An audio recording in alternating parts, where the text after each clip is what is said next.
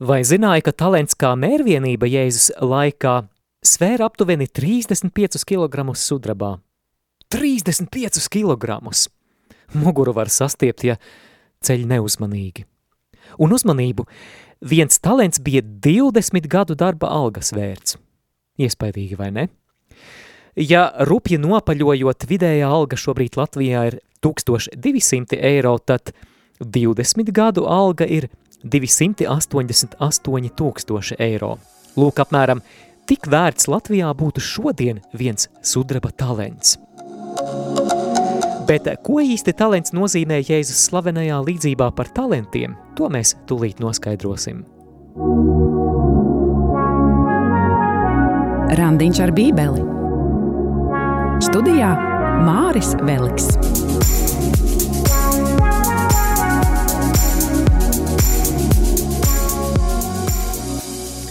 Mīļo klausītāji, mēs tulīt turpināsim studēt Mateja evaņģēlija 25. nodaļu, var atšķirt tātad Mateja 25, un šoreiz mēs studēsim līdzību par talentiem.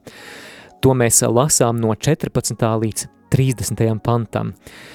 Bet šo raidījumu es vēlētos iesākt ar kādu interesantu ziņu, manuprāt, tevi arī tas varētu interesēt no kristīgās pasaules. Proti šobrīd ASV Aizburijas Universitātē Kentucky štatā notiek kaut kas neparasts. Ir sākusies atmoda studentu vidē. Jā, tieši šobrīd tā notiek un turpinās. Studenti dienām un naktīm pulcējas universitātes kapelā, pielūdz Dievu, slavē viņu ar dziesmām, aizlūdz. Un uh, Interesanti, ka šī atmoda kā vīrus ir pārsviedusies arī uz atsevišķām citām ASV universitātēm, kur arī kapelas tiek piepildītas ar studentiem, un cilvēki sāk braukt uz Asburiju un uz citām vietām no visām pusēm, lai piedzīvotu, kas tad tur ir īpašs un kā tas viss sākās. 8. februārī, tātad pirms mazliet vairāk kā nedēļas, Asburijas universitātē, kā katru nedēļu, tā ir kristīga universitāte, notika iknedēļas dievkalpojums. Kāds notiek katru nedēļu, it kā nekas īpašs, bet brīdī, kad dievkalpojums bija jānoslēdz, tad turklāt esošie, liela daļa no viņiem sajūta, ka šoreiz kaut kas ir citādāk. Ka šoreiz tā dieva klātbūtnes sajūta ir tāda, ka te ir jāpaliek. Un tad nu kopš 8. februāra līdz pat šodienai, un šodien ir 17. februāris, Asburijas eh, universitātes kapela tiek piepildīta ar cilvēkiem, pārsvarā tie ir jaunieši, tie ir studenti, kuri lūdz Dievu, kuri slavē pat nakts laikā, un interesantas liecības ir saņemtas arī, ka cilvēki, kas tur ierodas, Viņi var tur stundām ilgi pavadīt laiku Dieva priekšā, viņu pielūdzot, bet tā sajūta ir, it kā tu tur esi pavadījis īsu mirkli. Esmu dzirdējis arī par to, ka tuvinieki mēdz studentiem atnest uz kapelu ēdienu, jo viņi pat aizmirst par ēšanu, gluži kā tad, kad Jēzus uzrunāja ļaužu pūli tuksnesī, viņi aizmirsa par ēšanu. Tas bija pirms tā maizes pavairošanas brīnuma. Es eh, mazliet, mazliet arī uzlikšu tagad atskaņot eh, fragmentiņu, kā, kā apmēram tas izklausās. Nav tā labākā skaņas kvalitāte, bet eh, apmēram, apmēram noskaņu var saprast. Un tā 24 stundas diennaktī un nu jau vairāk nekā nedēļu. Un kas ir interesanti, ka šī atmoda necentrējas ap kādu kristīgu līderi, tur nav nekāda spilgta līdera, tā nav saistīta ar kāda sludinātāja harizmu, aizdedzināt cilvēkus, turpat nav, nav tipiskas slavēšanas grupas, kā mēs to esam pieraduši. Tur kāds vienkārši piesēžas pie klavierēm vai paņem ģitāriņu rokās, bet dziet visi klātesošie studenti un, un tā tas viss turpinās un turpinās. Uh, Jā, kas man šķiet interesanti, ka mākslīgi tas nebūtu iespējams. Nu, pamēģiniet jauniešus pierunāt nu jau astoņas dienas nemitīgi lūgt Dievu pat naktī. Varbūt tas izdotos uz kādu diennakti rekolekciju kontekstā, bet ja tas būtu tikai cilvēciskā spēkā, tad visi ātri nogurtu. Bet šeit svētā gara izliešanās, kas izpaužās atmodā, darbojas kā magnēts. Vienkārši cilvēki, cilvēki grib tur braukt, jo tur notiek atgriešanās, cilvēki tur ar asarām acīs nožēlo savus grēkus, arī kāds video ir, kur, kur ļaunais gars manifestējas un tiek padzīts projām Dieva klātbūtnē. Kāpēc es to pieminu, tu jautāsi? Es nezinu, kā tu, māsa, kā tu, brāli, bet es ļoti ilgojos pēc šādas un vēl lielākas atmodas Latvijā. Gan starp jauniešiem, gan starp visām paudzēm. Es ilgojos pēc atmodas katoļu baznīcā. Es ilgojos pēc atmodas, kas pārsniec konfesiju robežas, un varbūt jautās, kāds tam visam sakars ar randiņu ar bībeli. Redzi, es ilgojos, lai, lai Dievs lieto šo raidījumu un uh, radio Marija kopumā kā līdzekli, lai izraisītu mūsos lielākas ilgas pēc Dieva, pēc viņa meklēšanas, ilgas pēc īpašas svētā gara izliešanās, ko mēs kristieši mēdzam saukt par atmodu. Bet tas viss sākas ar dziļām ilgām, pēc vairāk. Dievs, mēs gribam tevi vairāk, un Un tas viss sākas arī ar lūkšanu šajā nodomā. Lūkšanu, kad mēs saucam uz Dievu, sūti atmodu, nāc kā nekad vēl agrāk. Un eh, es tāpēc cenšos arī šajā raidījumā iedrošināt lasīt bībeli nevis ķeksīša pēc, bet lai bībeles lasīšana tavā dzīvē, manā dzīvē ir patiešām dzīva satikšanās ar kungu, ar Jēzu Kristu, lai tā ir šī intimitāte ar Dievu – lai tas ir brīdis vienotībai ar Dievu. Un eh, pirms mēs sākam studēt eh, šodienas vārdu, lūksim Dievu, nāksim viņa priekšā. Dieva tēva un dēla un svētā gara vārdā. Āmen. Mīļais kungs, tu mums esi vajadzīgs. Tu mums esi vajadzīgs vairāk nekā jebkad. Kungs, mēs lūdzam, lai šīs dienas Dieva vārda studijas nebūtu tikai kāda intelektuāla nodarbe vai kāda izklaide, lai tas nav tikai raidījums programmas dēļ, lai piepildītu ēteru. Kungs, mēs gribam tevi piedzīvot šajā turpmākajā stundā, ko pavadīsim, lasot tavu vārdu. Un, kungs, es lūdzu, lai tu šī raidījuma laikā pieskaries katram brālim, katrai māsai, arī tiem, kas šo raidījumu dzirdēs atkārtojumos vai klausīsies arhīvā, izlēj pār mums savu garu. Kungs, mēs gribam tapt dzīvi tavā vārdā. Mēs vēlamies, lai tavs vārds pārveido mūsu dzīvi. Mēs vēlamies, lai tavs svētais gars iedec mūsu sirdīs spēcīgu, spēcīgu uguni. Jēzus Kristus vārdā – Āmen. Svētais Matei, lūdz par mums. Vēlies labāk iepazīt svētos rakstus, bet nezini, ar ko sākt?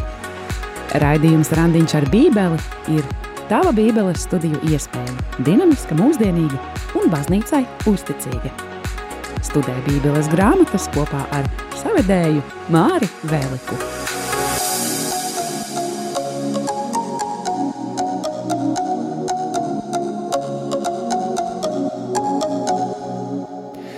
Šodien mēs studēsim līdzību par talantiem. Mateja evaņģēlija 25. nodaļa no 14. līdz 30. pantam.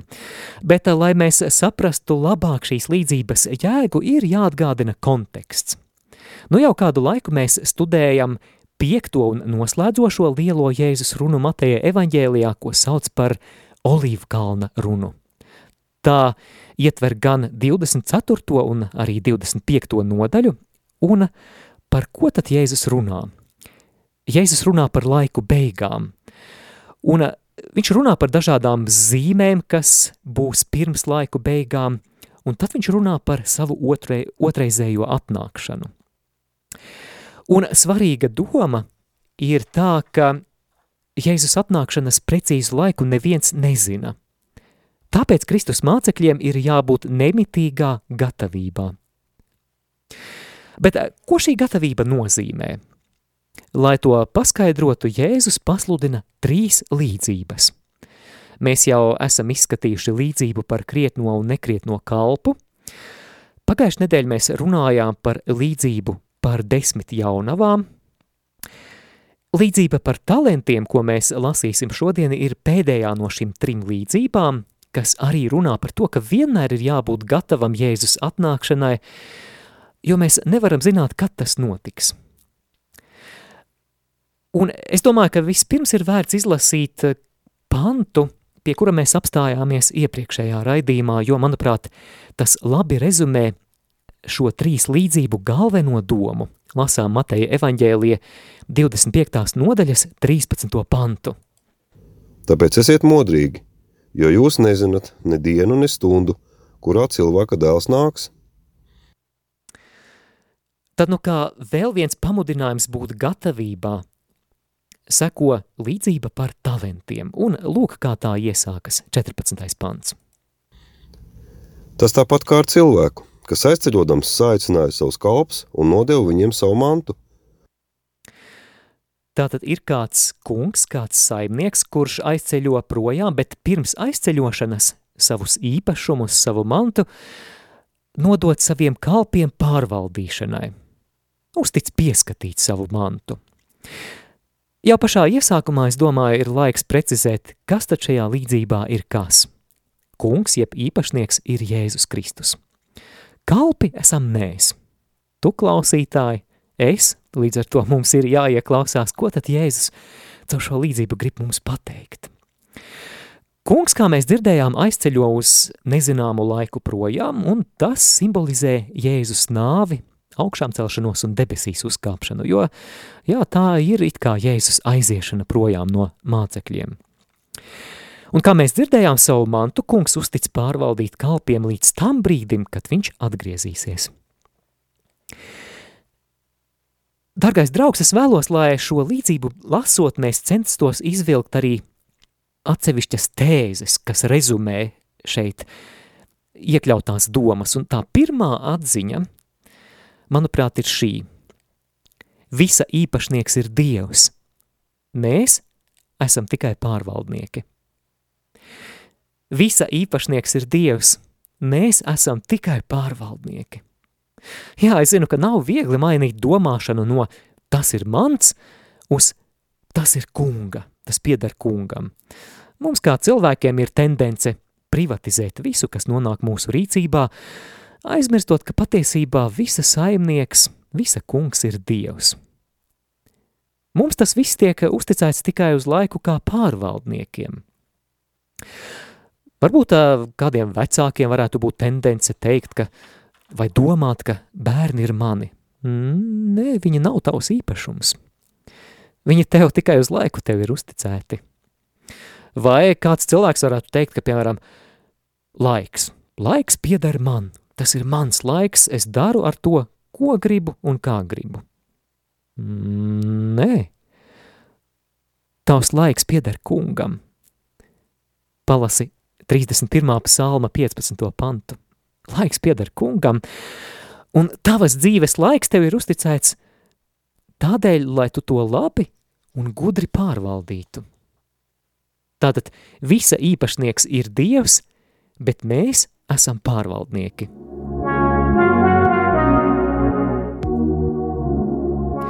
Kā kungs sadala savu īpašumu? Lasām 15. pantu. Un vienam viņš deva piecus talantus, otram divus, un trešam vienu, katram pēc viņa spējām un pats aizceļoja.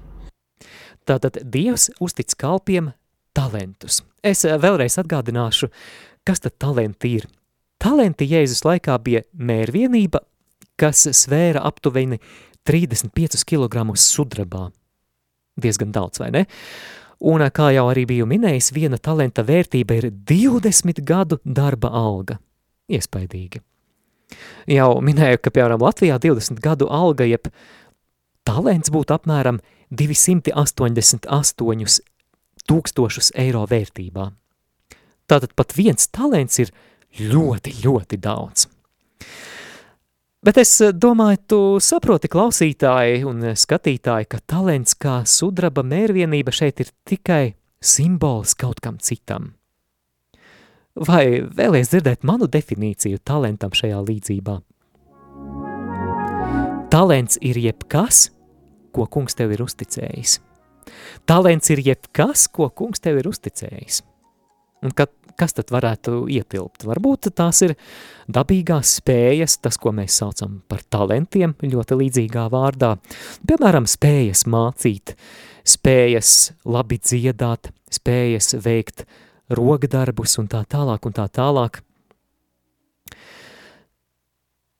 Talenti var būt arī svētā gara dāvanas, ko, mums, ko, ko viņš mums ir devis. Pravietošanas dāvana, dziedināšanas dāvana, runāšana mēlēs, garu atpazīšana un citas dāvanas. Talenti var būt arī varbūt mums uzticētie materiālie īpašumi, nekustamie īpašumi, mūsu darba alga, mūsu iekrājumi. Talenti, proti tas, ko Dievs mums ir uzticējis, var būt arī uh, mums uzticētā vara, jeb autoritāte, piemēram, vecāku autoritāte pār bērniem. Arī tas ir talants. Vai tava pozīcija un ietekme tavā darba vietā un tā tālāk un tā tālāk. Varbūt tev nāk prātā vēl kas cits, tad droši iesaisties ēterā un uzraksti. Tātad doma, ka talants ir jebkas, ko kungs tev ir uzticējis. 15. pantā mēs lasījām, ka katram no trim kalpiem tiek uzticēts atšķirīgs talentu skaits. Vienam tie ir pieci talenti, otram tie ir divi talenti un visbeidzot trešajam kalpam viens talents. Kāpēc tā varētu jautāt? Un te mēs nonākam pie nākamās atziņas, ka Dievs katram uztic pēc spējām. Dievs katram uztic pēc spējām. Varētu jautāt, nu vai tas nav negodīgi, kāpēc citiem mazāk, vai tā nav netaisnība, kāpēc vienam pieci, citam divi un viens tur nabadziņš vispār ar vienu talentu. Nē, tā nav netaisnība. Tā ir katra spēju respektēšana. Es domāju, ka grūti un mokoši būtu nest piecus talentus, tad, ja tu spēj panest tikai vienu talentu. Es atļaušos pat teikt, ka uzlikt ļoti augstu atbildību kādam, kuram nav attiecīgu prasmju vai interešu, nozīmētu nodarīt pāri šim cilvēkam. Kungs ir ļoti žālsirdīgs, un tāpēc viņš visu sadala pēc spējām. Viņš respektē to, ko mēs esam spējīgi, to, cik mēs esam spējīgi, un viņš neprasa no mums to, kas ir pāri mūsu spēkiem. Nē. Varētu jautāt, kāpēc tas cilvēks ir milzīgas korporācijas vadītājs, bet, bet tas otrs tikai šuvējs mazā darbnīciņā – Klausieties, bet varbūt šis šuvējs ir daudz laimīgāks čakli darboties savā mazajā šūšanas darbnīciņā, nekā, ja viņš būtu pie stūres lielai starptautiskajai megakompānijai. Manuprāt, viena no mācībām, kas šeit ir, nesalīdzini sevi ar citiem. Nesalīdzini sevi ar citiem, tu esi unikāls. Tev ir savs unikāls aicinājums. Tev ir sava unikāla vieta baznīcā, kas nav nevienam citam. Tātad Dievs katram uztic pēc spējām.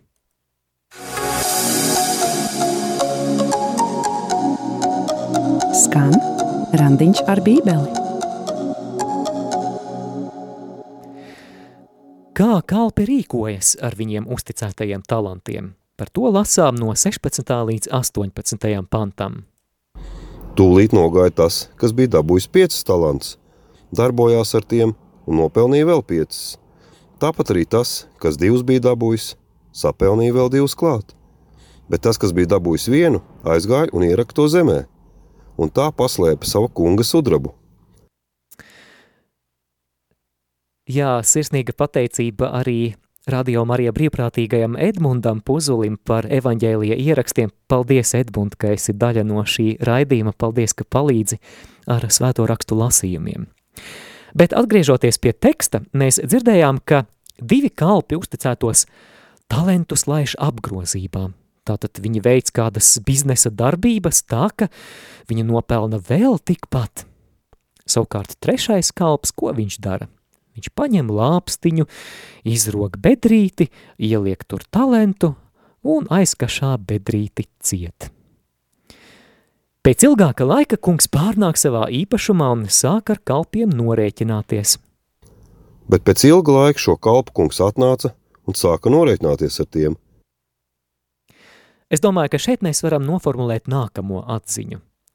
Proti, ka mēs esam atbildīgi kunga priekšā par to, kā rīkojamies ar mums uzticēto. Tātad mēs esam atbildīgi kunga priekšā par to, kā mēs rīkojamies ar mums uzticēto. Kā jau es minēju, talants var būt jebkas, ko kungs mums ir uzticējis. Un jautājums ir, kā mēs rīkojamies ar šo uzticēto?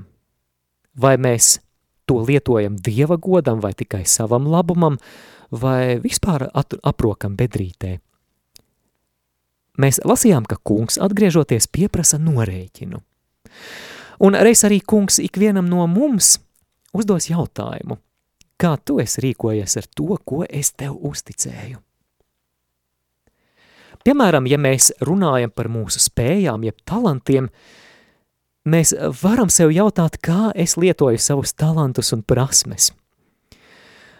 Vai es lietoju savus talantus par svētību citiem un kunga godam, vai, piemēram, tikai egoistiski savās interesēs?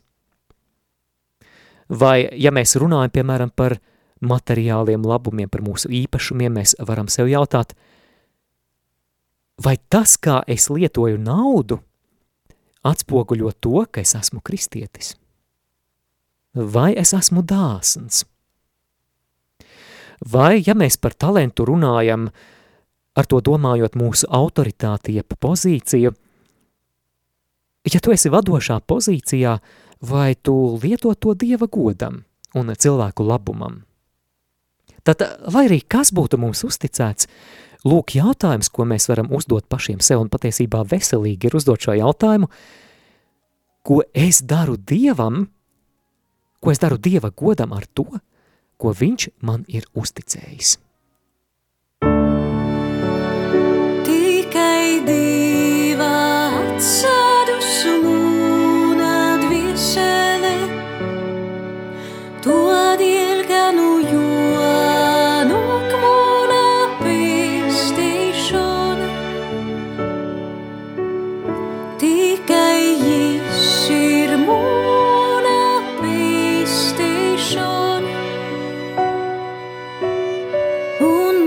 mums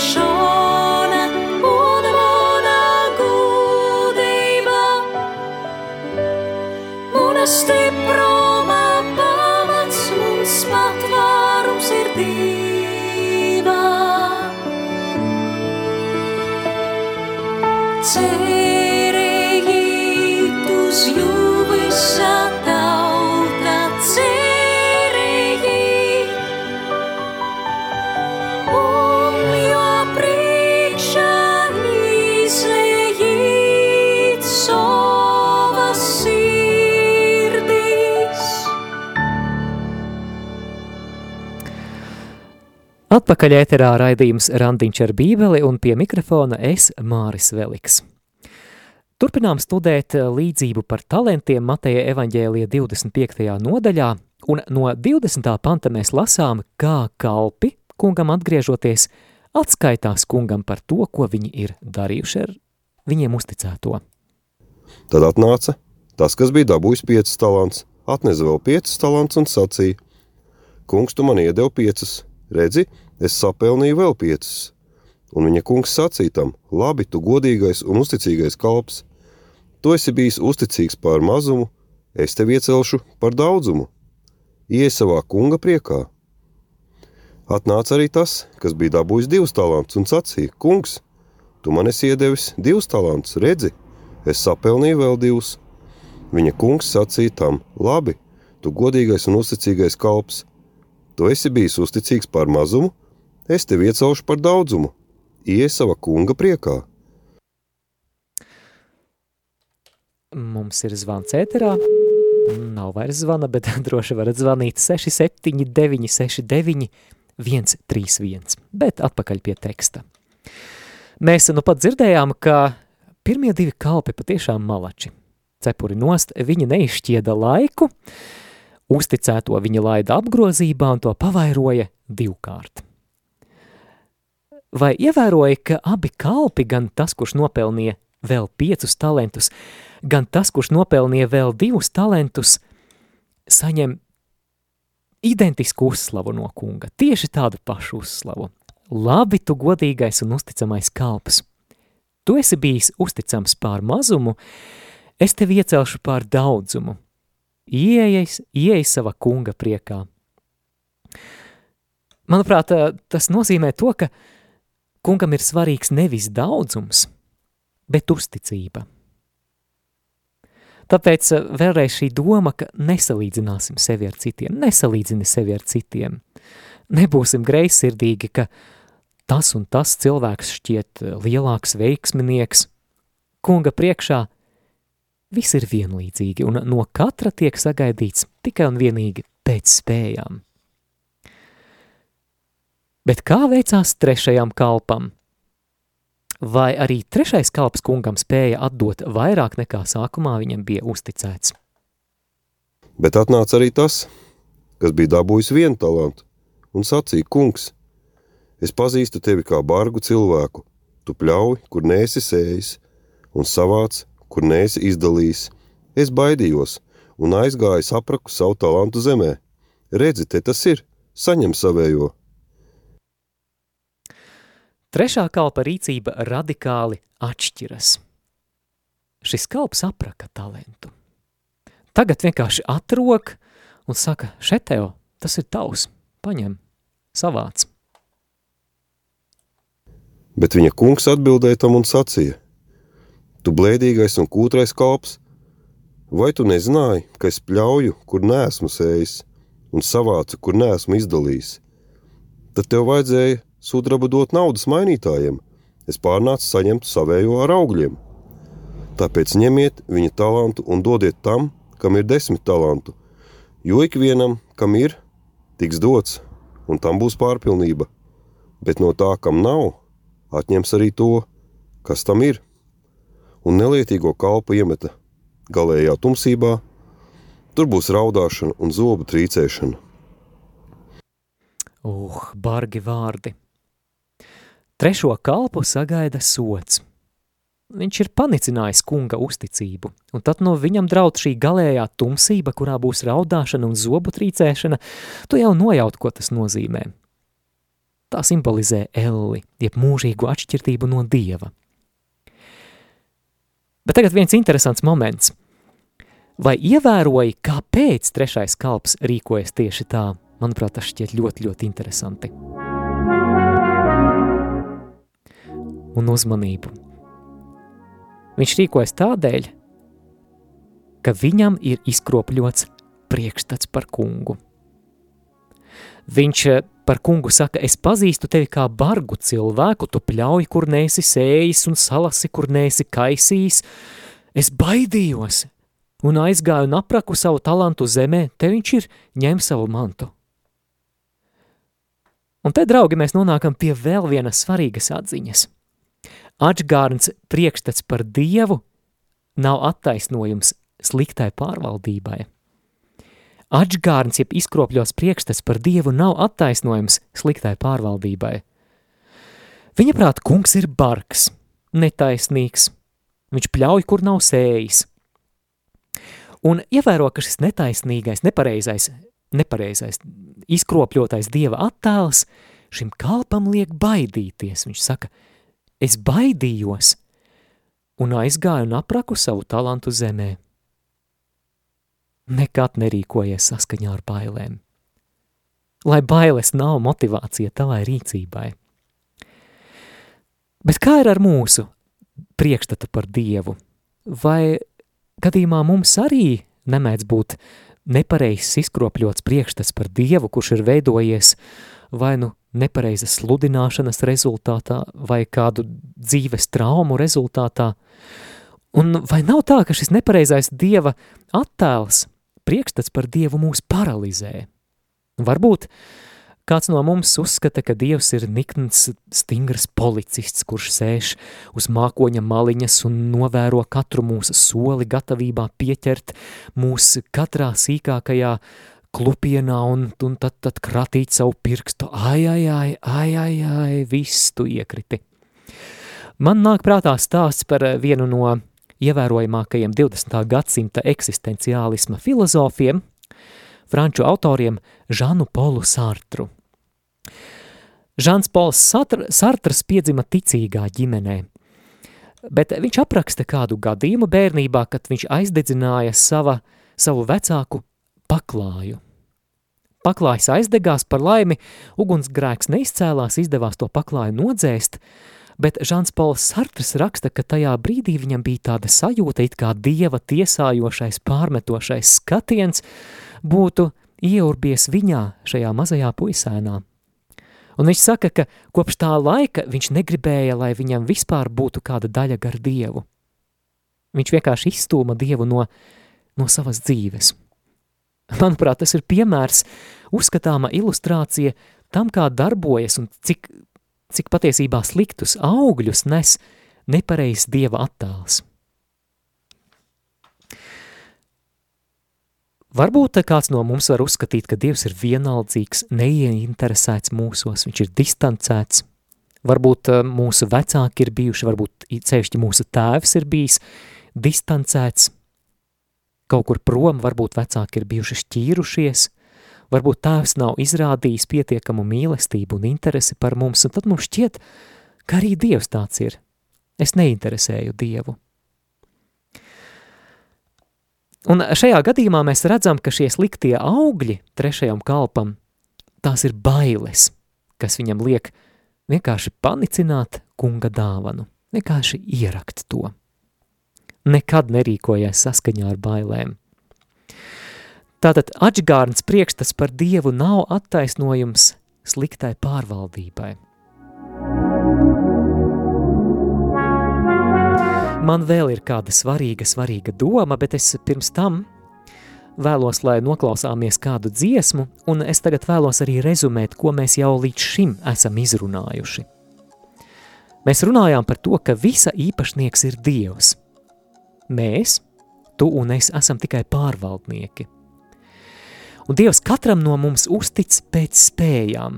Viņš nesagaida no mums to, kas ir pāri mūsu spēkiem. Un mēs esam aicināti atbilstoši spējām rīkoties ar mums uzticēto Dieva godam, un par to mēs dosim reiz atskaiti kunga priekšā. Un vēl mēs runājām par to, ka atžgārns priekšstats par Dievu nav attaisnojams nolaidībai. Tur, kur nav riska Dieva godam, nav arī atalgojuma no Dieva. Tur, kur nav riska Dieva godam, nav arī atalgojuma no Dieva.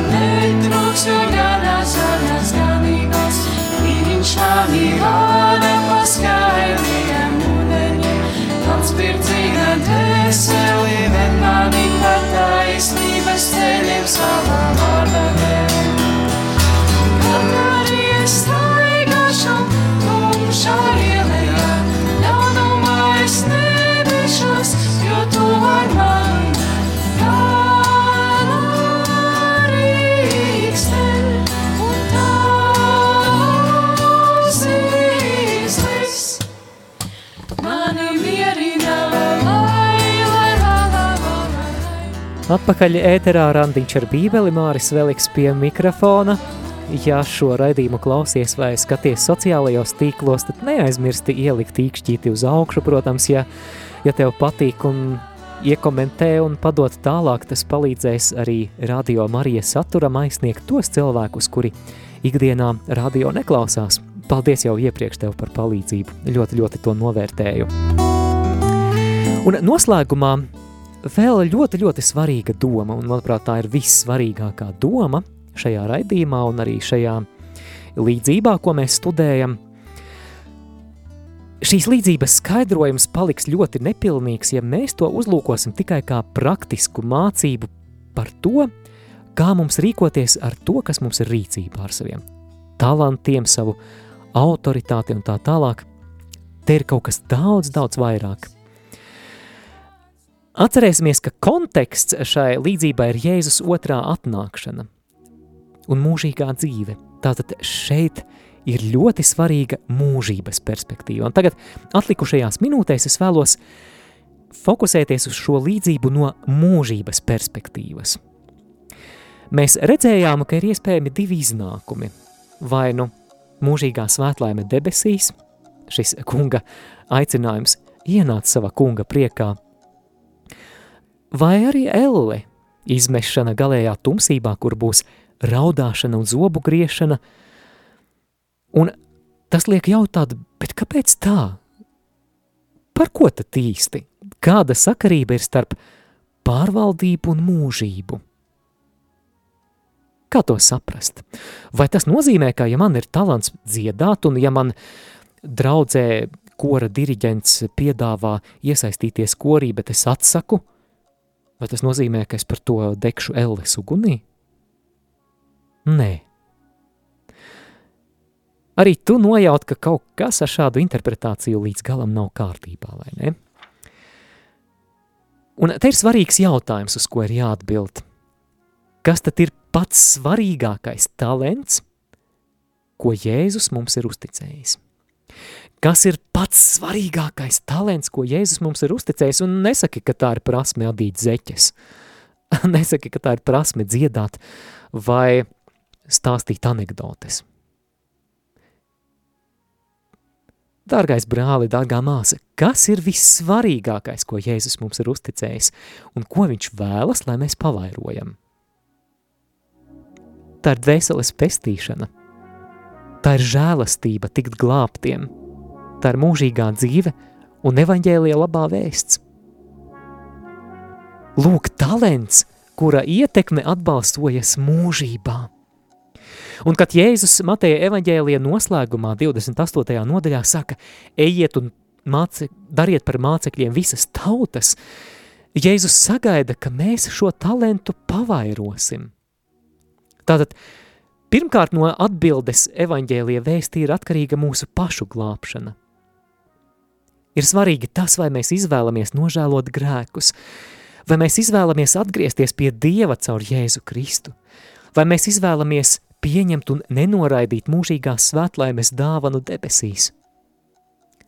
Tātad no atbildes evaņģēlija vēstī ir atkarīga pirmkārt mūsu pašu glābšana, bet no atbildes evaņģēlija vēstī ir atkarīga arī citu cilvēku glābšana. Tad nu no tā, vai mēs šo dāvanu aprokam zemē vai pieņemam, ir atkarīgs mūsu liktenis mūžībā.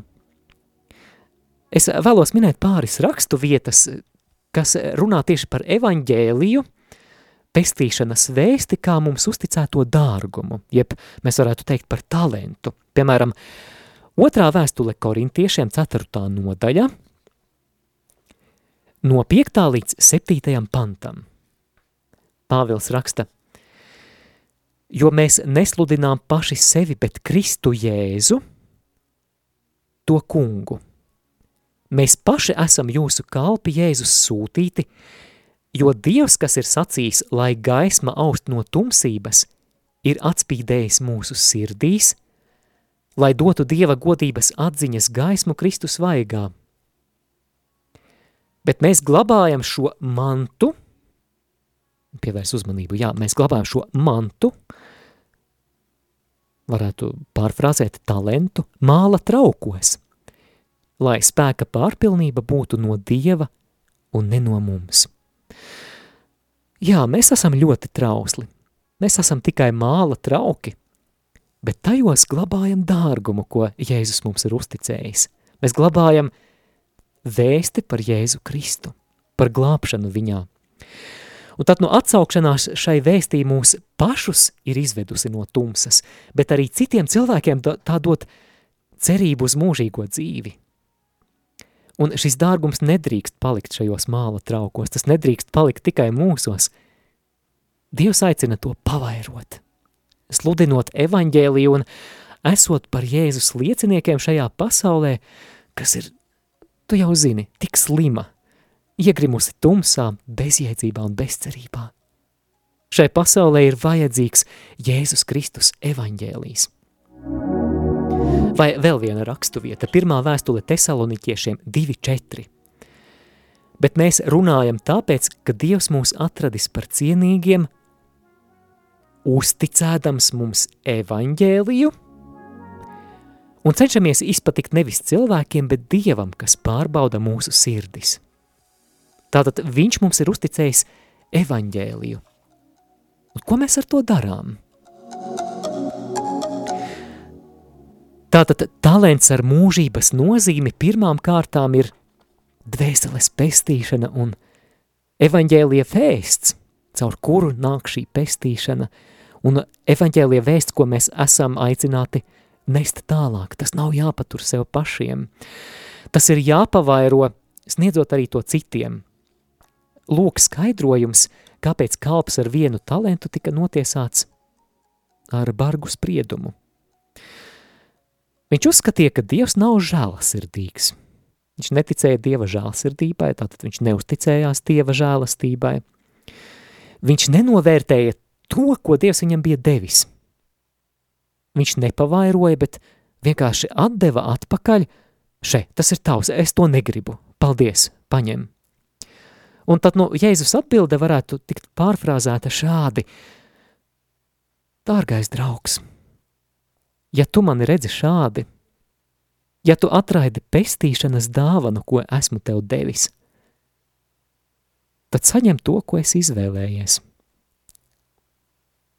Tu pats sevi notiesā. Tu pats esi izvēlējies mūžīgu nošķirtību no Dieva, kur būs raudāšana un zobu griešana. Padomāsim par laiku tūlīt pēc Jēzus augšām celšanās. Pirms vasaras svētkiem augšistabā bija sapulcējušies tikai 120 cilvēki. Kas tas ir? Un padomā, kā būtu, ja šie 120 cilvēki, kuri vasaras svētkos saņēma svēto garu, nebūtu paklausījuši Jēzus pavēlēji un devušies dalīties ar to, ko ir saņēmuši. Ja vienkārši viņi līdz nāvei sēdētu tur augšistabā sakot – Nē, mēs nevienam par to nestāstīsim, mēs to paturēsim sev. Nezinu, kas būtu ar evaņģēlija sēklu noticis, bet viņi paklausa. Viņi ar saviem talantiem iet un tos pavairo, viņi sludina evaņģēliju, viņi stāsta par mūžīgo dzīvi un pestīšanu. Lūk, apzinīga un laba talentu pārvaldīšana. Un Jēzus lielajā pavēlē sagaida – ka to, ko viņš mums ir devis, mēs dalīsim tālāk. Ejiet un dariet par mācekļiem visas tautas. Mateja 28, 19.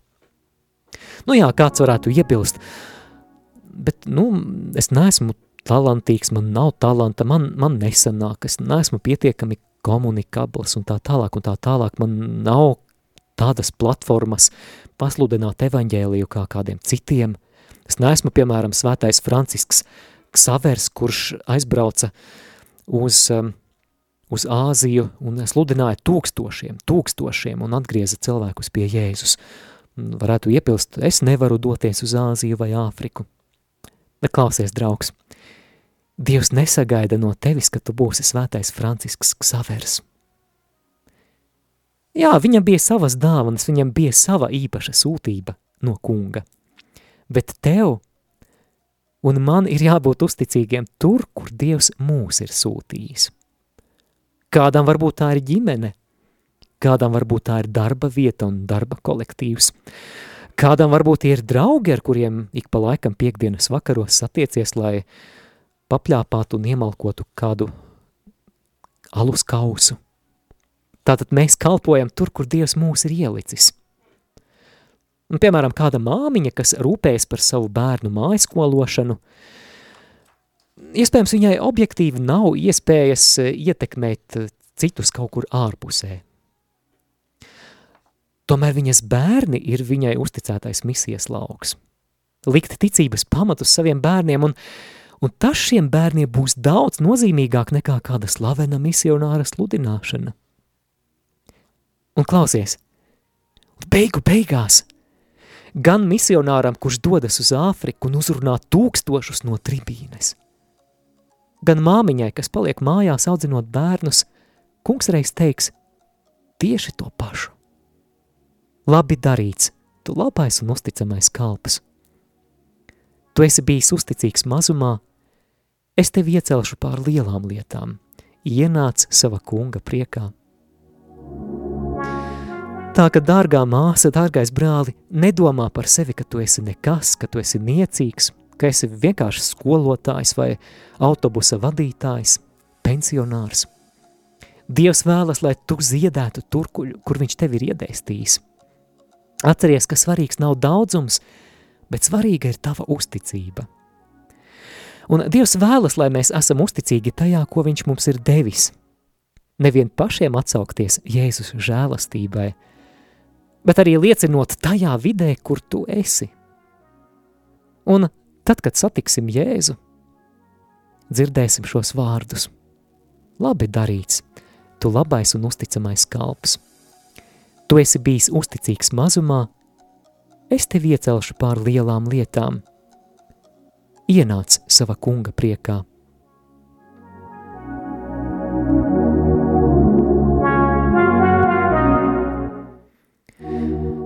Ar to arī šo raidījumu noslēdzam. Esi svētīts. Lai izdodas uzspodrināt talantus, nest labus augļus Dieva godam un dvēseļu pestīšanai, lai Dievs mūs visus, visus svētī. Un turpināsim meklēt Dievu arī lasot viņa vārdu personiskajā lūkšanā. Turpināsim lūgt par atmodu baznīcā, turpināsim lūgt par atmodu Latvijā, turpināsim lūgt par jauniešu atmodu, lai svētais gars nonāk varenā veidā ar, ar spēku un atdzīvina, dāvā dzīvību, lai visi mirušie kauli top dzīvi, lai, lai ticība atkal uzplaukst, lai tiek uzpūsta tā uguns, kas bieži vien varbūt vērojot ikdienu mums šķiet, ka ir noplakusi, ka ir tikai ogles, pelni. Dievs ir ļoti, ļoti labs. Dievs noteikti ir sagatavojis lielas un brīnišķīgas lietas. Paļausimies uz viņu, uzticēsimies viņam. Lai slavēts Jēzus Kristus!